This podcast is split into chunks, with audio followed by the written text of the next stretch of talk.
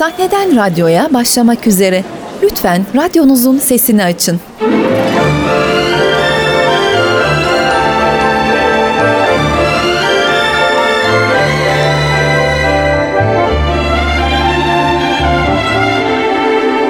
Sahneden radyoya.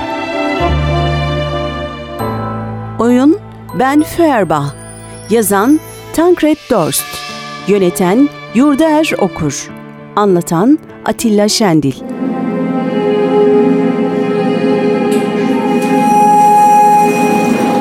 Devlet Tiyatroları ve NTV Radyo işbirliğiyle hazırlanan Sahneden Radyoya adlı programımıza hoş geldiniz. Devlet tiyatroları 1949 yılında yerli ve yabancı eserlerle halkın genel eğilimini ve kültürünü yükseltmek, Türk sahne sanatlarının yurt içinde ve yurt dışında gelişmesini ve tanıtımını sağlamak, sanat ve estetik duygusunu geliştirmek, temel değerler üzerinde doğru yargılara varılmasını sağlamak amacıyla kurulmuştur ve 63 yıldır bu görevi aralıksız sürdürmektedir.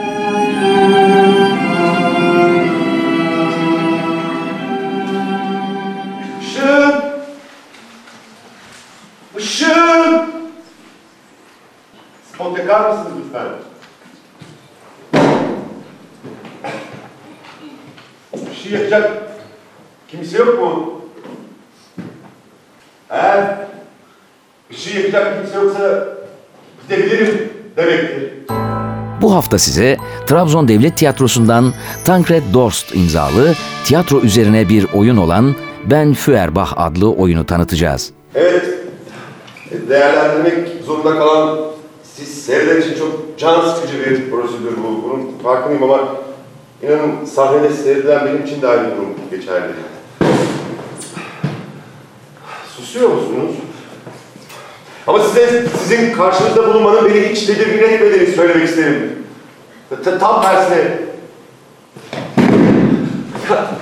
Benim için işinin ehli bir seyirciden başka bir şey önemli değildir.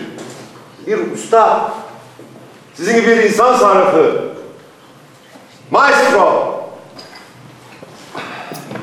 Efendim? Ama sahnede hala ışığın olmaması çok ya, tuhaf bir durum yani özellikle de sizin için. Çünkü hani siz, siz beni değerlendirmek istiyorsunuz. Buraya benim yeteneğimin sizin beklentilerinize uygun olup olmadığını tartabilmek için davet edildim. Oyunun yönetmeni Yurdaer Okur, 1998 yılında Hacettepe Üniversitesi Ankara Devlet Konservatuarını bitirdi ve ardından Dostlar Tiyatrosu'nda Yalınayak Sokrates oyunuyla profesyonel yaşama başlangıç yaptı. 2002 yılından beri Diyarbakır Devlet Tiyatrosu sanatçısı olarak görevini sürdürmekte. Tamam gelirim. Adres söyle. Ee, çok güzel ve alışılmamış bir saatim olduğu için şaşırıyorsunuz değil mi? Bakın, Ne? Ha tamam dinliyorum seni dinliyorum. bu bana miras kaldı annemden. Bakın, bakın. Güzel.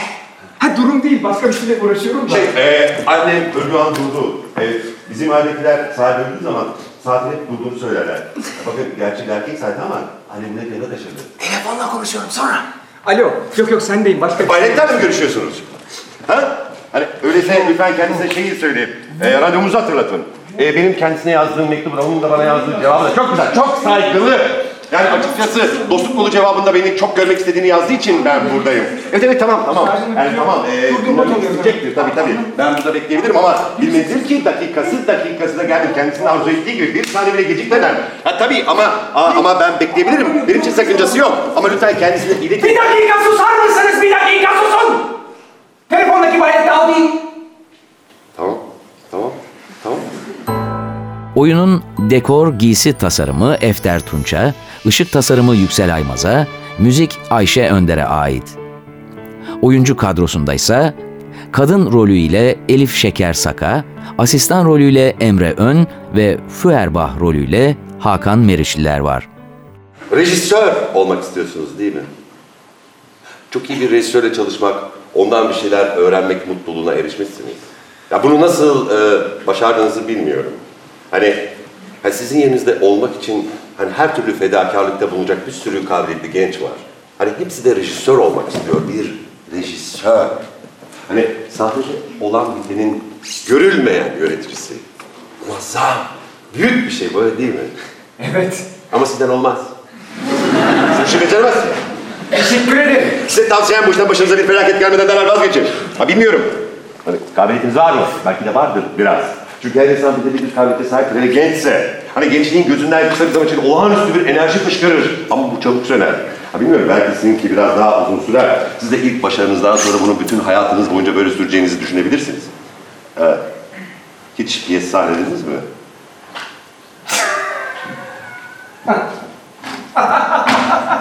Peki kimdir bu Feuerbach?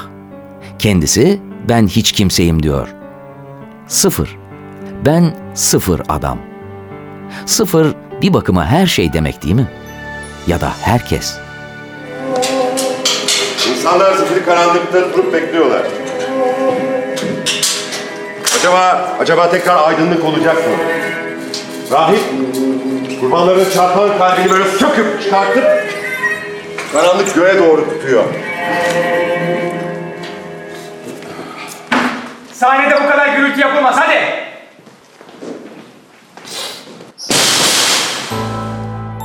Yazar Tancred Dorst 1925'te Thüringen Sonnenberg'de doğdu.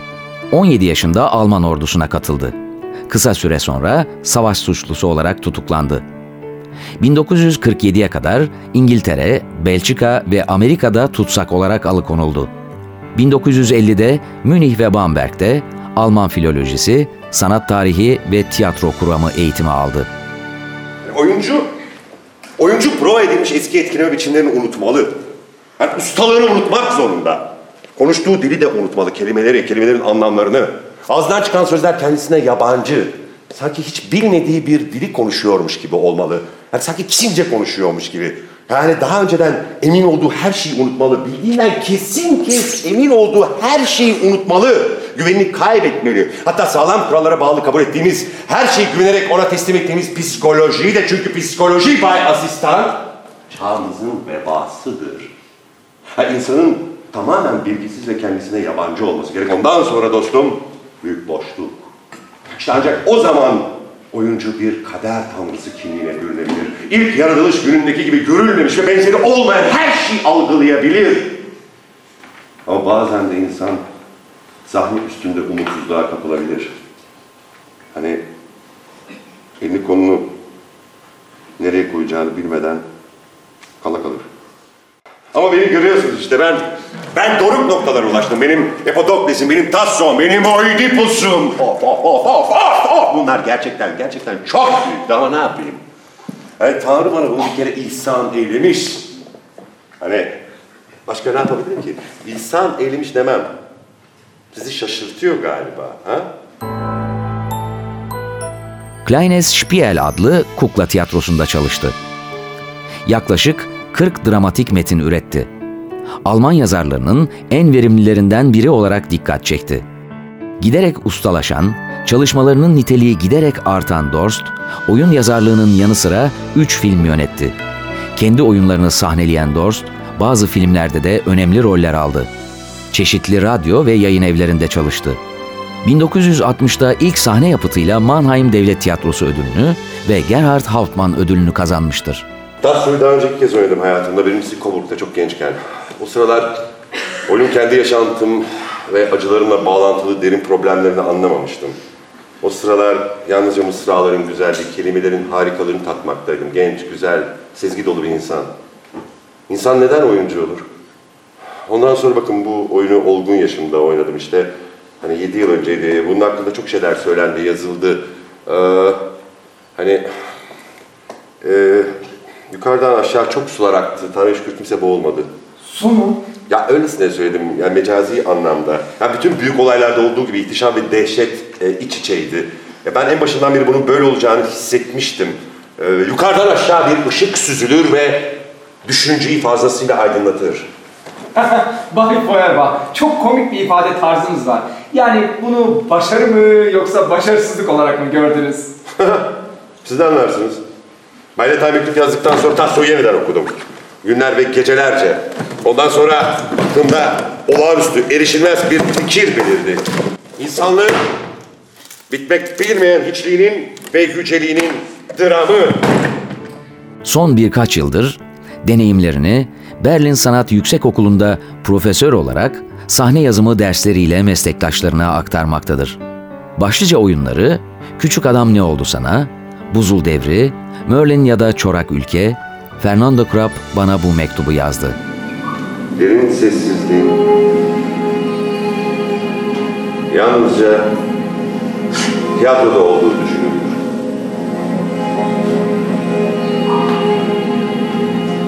Ya da çölde. Çölü iyi bilirim. Her adımda kum ayak bileğinizi çıkar. Orada dahi yürümeye sürekli yürümeye verdi.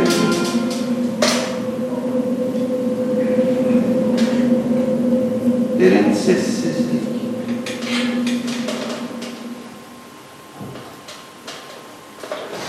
Aynı derin sessizlik tiyatroda da var. Bazen anlamsız bir gösteride oyuncu sahneye çıkar. Kendini role öyle bir kaptırır, öyle bir dünya yaratır ki ya da bir bakış, bir duruş, bir hareket. O anda büyük sessizlik. Salonda binlerce insan. Damlataş mağarası derinliği gibi dokunaklı bir sessizlik. İşte o anda sahne üzerindeki oyuncu yaşayan bir tanrıya dönüşmüştür. Sittanima mea mea deum deum vivium. Şimdi söyleyin bakalım Bayistan. Yurdaki, yukarıdaki tanrımızı kendimiz icat etmiyor muyuz? Feuerbach Füer, ateş, yangın anlamında. Bachsa, akarsu, dere. Ve Feuerbach bir oyuncu. Ne istiyorsunuz hanımefendi? Köpeği getirdim. Aa, Bayan Angermayer. Köpeğiniz nerede? Bilmiyorum. Yani ben kendimin de nerede olduğunu bilmiyorum. Bu arada ben bir şey gördüm oradan geçen. Siz de sahnedesiniz hanımefendi. Sahnede mi? Evet. Hey, ne berbat bir yermiş burası böyle. Efendim? Bayan Angermayer. Köpeğiniz nerede? Bilmiyorum. Yani ben onu getirdim. Tasmasını çözdüm orayı burayı koklarken kayboldu.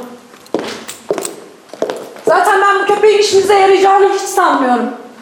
Hiç kimsenin işine yaramaz o. Benim de hep sinirlerimi bozar. Ben köpeğe ihtiyacınız olduğunu bir arkadaşımdan duydum. Ne yani? Bir de oyuncu mu bu köpek? Rol için bir şey mi bilmesi gerekiyor? Hayır hayır yani çok bir şey bilmesi gerekmiyor.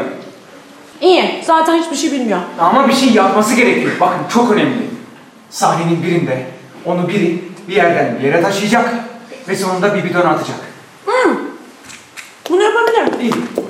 Oyun 7 yıl tiyatronun uzağında kalmış ünlü bir oyuncunun yeniden sahneye dönme çabasını ve bu çabanın özündeki trajikomik insanlık durumunu işliyor. Feuerbach, yeni bir oyun için denenmek üzere geldiği boş tiyatro salonunda muhatap olarak yeni yetme bir asistan bulur karşısında. Yönetmenin gelmesini bekledikleri süre içinde zaman zaman kedi ile fare arasındaki köşe kapmaca oyununa benzer bir ilişki kurulur aralarında. Prens Heinrich ölmüş babasının yanında duruyordu. Ve rejisörün isteğiyle böyle tesbih tanelerini böyle baş ve işaret parmağıyla tek tek böyle babacığının üzerine bırakıyordu. Tabii rejisörün bir buluşu. Ha tabii aynen yapmasını istemişti. En sonunda seyircilerden biri dayanamadı ve bağırmaya başladı. Yeter artık be! Bazıları da gülüyordu. Bunun üzerine Prens Heinrich rolünü oynayan oyuncu seyirci salona doğru yaklaştı. Ne bağırıyorsunuz be? Domuz sürüleri! Yalnızca bağırmasını bilersiniz! Kendisi de bağırıyordu. Bunun üzerine ne yaptılar? Perdenin ipini hop! Çekiverdiler tabii. Peki kimdi o aktör? Bu dahiyane aktörün adını söylemek istemiyorum.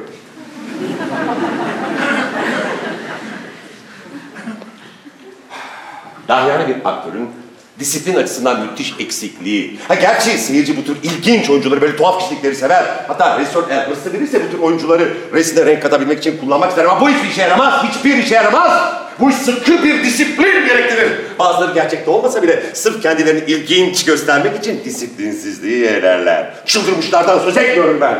Disiplinsizlikten söz ediyorum. Feuerbach'ın tiyatroya 7 yıl ara vermeden önce oynadığı en son oyun Göte'nin bir oyunudur ve tiyatroya dönüş sınavı için seçtiği oyun gene aynı oyundur. Tasso. Dehanın hayalci istekleriyle gerçeğin gerekleri arasındaki çelişkiyi anlatan Tasso. Aktör Feuerbach. Tükenizi gördüm. Dik dik dik dik. Sizin bu ilkel şakalarınızı sevmiyorum. Kantinde üçüncü sınıf oyuncularla oturup iğneleyici sözlerinize gülmelerini bekliyorsunuz ama burada kimse gülmüyor bayım. Sözünü ettim o büyük aktör öldü. Alkol yüzünden kendini yerin dibine gönderdi. Bir bakıma karakteri dahiliğine yetişememiş denilebilir. Zeppelin'le inmişti gökten o. Böyle bir aktör bir daha gelmez. Gösteriş ve ilginçlik meraklısı, bugünün deyimle rollerini tak tak sergileyen oyuncular aslında yalnızca kendi mağrur kişiliklerini ortaya koyuyorlar. Tamam o zaman. İkinci deha Bay Feuerbach. Bakın beni hala anlamamakta ısrar ediyorsunuz ama ben şaşmadan sözüme devam edeceğim. Aynı kararlılıkla devam edeceğim. Benim diğer aktörlerden farklı benim hayal dünyamın olmasıdır. Buna rağmen kendimi ileri itekliyor ve o diğer arkadaşları sanatçı olarak kabul ediyorum. Feuerbach kim? Ben kimim? Ben bir sıfırım. Bir hiç, bir sıfır. Dün parfümlerinde porsuk saçından yapılmış böyle tıraş fırçası almaya gittiğimde ki bu konuda gerçekten geri kafalıyımdır. Öyle çabucak yapılmış şeylerden, konfeksiyon mamullerden, plastik kutulardan nefret ederim. Biri benim yanıma yaklaştı ve dedi ki merhaba Bay Feuerbach. Adı geçen Tarquato Tasso da benzer şekilde akıl hastası olduğu gerekçesiyle 7 yıl hücreye kapatılmıştır. Ve ozanlar için en yüksek mertebe sayılan defne tacını almasından kısa bir süre önce Roma'da yaşamını yitirmiştir. Ama ben benimle aldırmıyorum. Hatta seyircinin bile alay etmesini aldırmıyorum ki büyük bir oyuncu için bu en kötüsüdür ama aldırmıyorum. Seyirci güler, güler. Boğazı çatlarcasına güler. Kusarcasına tükürürler ona ama o o durumundan memnundur çünkü o herkesten çok aşağılanmak ister. O kim? O o o istasyonun önünde çömelmiş ağzına tıkmak için atılmış çürük zeytin tanelerini kaldırım taşlarından neşeler o. O. O tiksinmez. Hayır, hayır, hayır. O irenmez. Kesinlikle.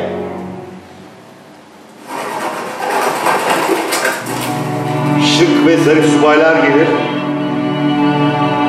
Eski arkadaşları onu tanımamışlar. Onu onu!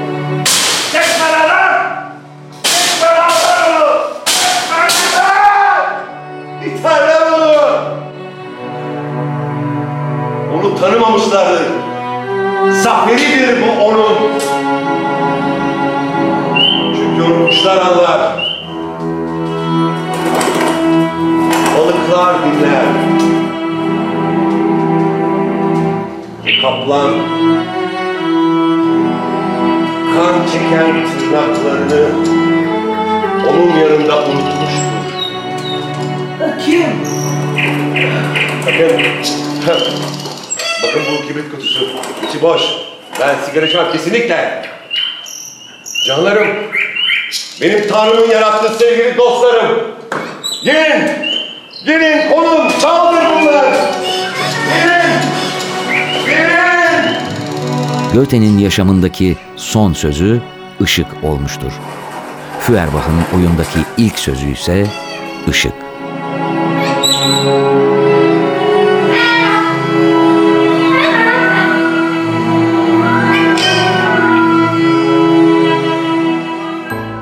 Feuerbach da yıllarca akıl hastanesinde yattıktan sonra tedavi olmuştur. Oyunculuğa tutkundur ve tiyatroyu kutsanma olarak algılamaktadır. 7 yıl önce tiyatroda kaybettiği özbenliğini, kaybettiği yerde geri kazanmak için yine tiyatroda ve oyuncu seçmesi için sahnededir. Ben bunu oynadım. Ya, Evet, ben bunu Ulm'de oynadım. Ulm'de öyle mi? Evet, Ulm'de Profesör Boehmler'in yönettiği dönemde. Evet. Tanımıyorum.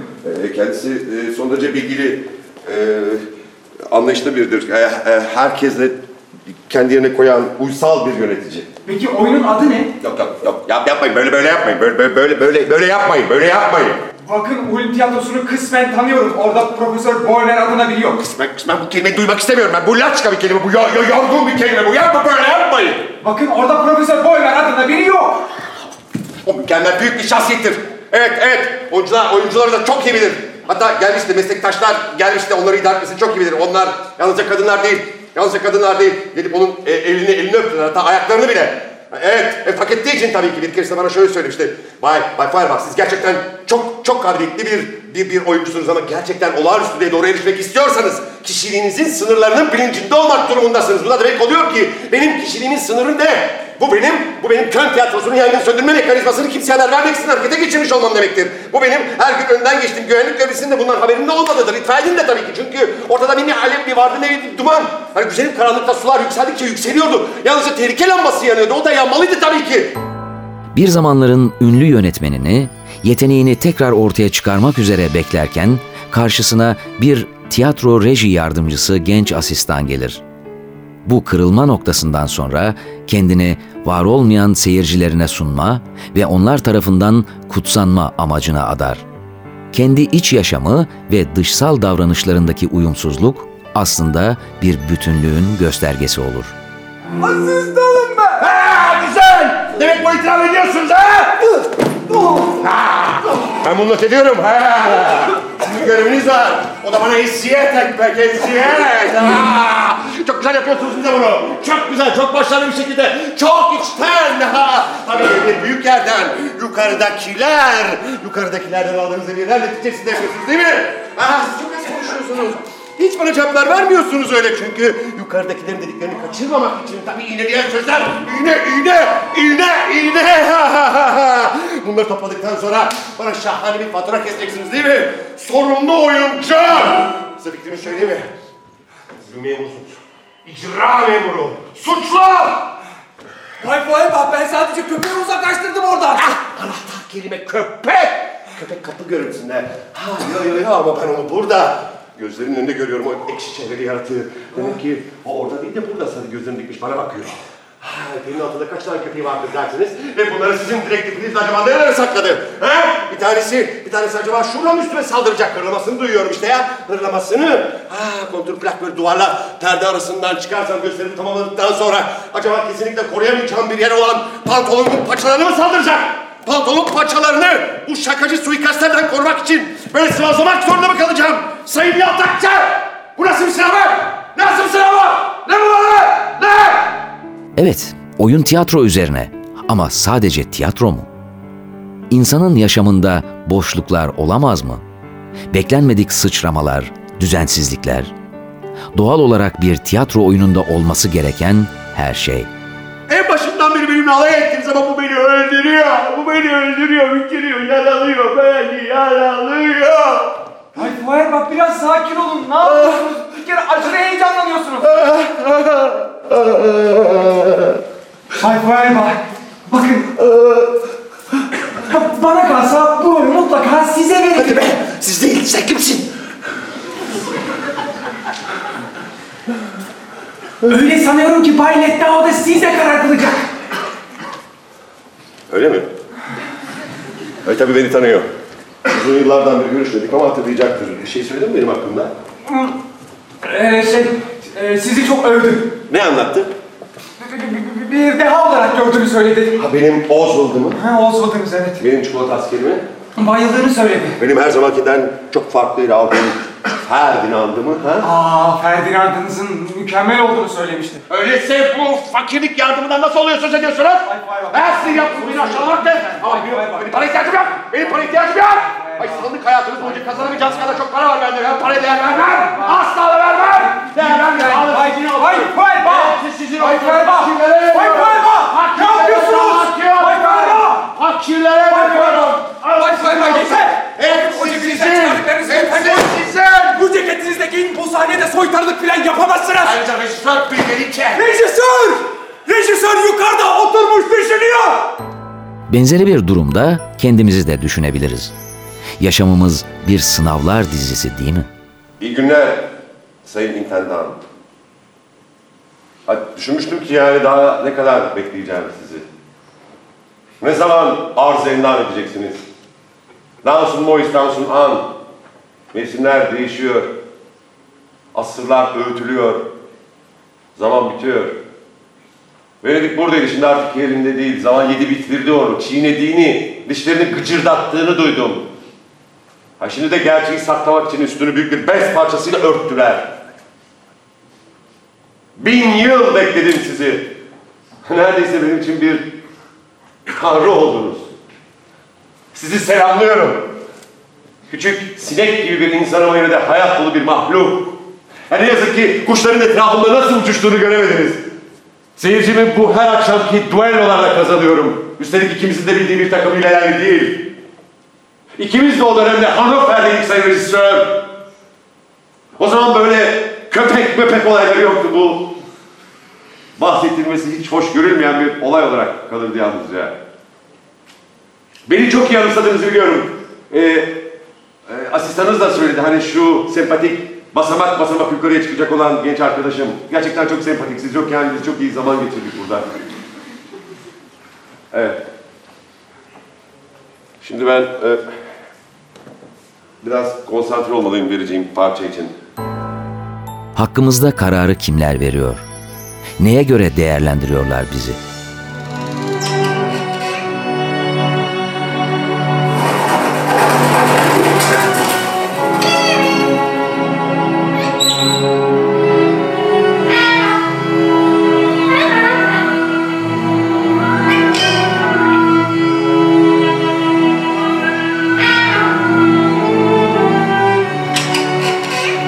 Ölçütleri kim koyuyor?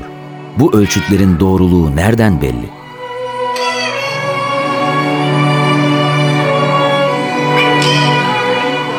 Haftaya yeni bir oyunla buluşmak üzere. İyi seyirler. Oyunun tamamını devlet tiyatroları sahnelerinde görebilirsiniz. Ayrıntılar için devtiyatro.go.tr adresini ziyaret edin. Sahneden radyoya.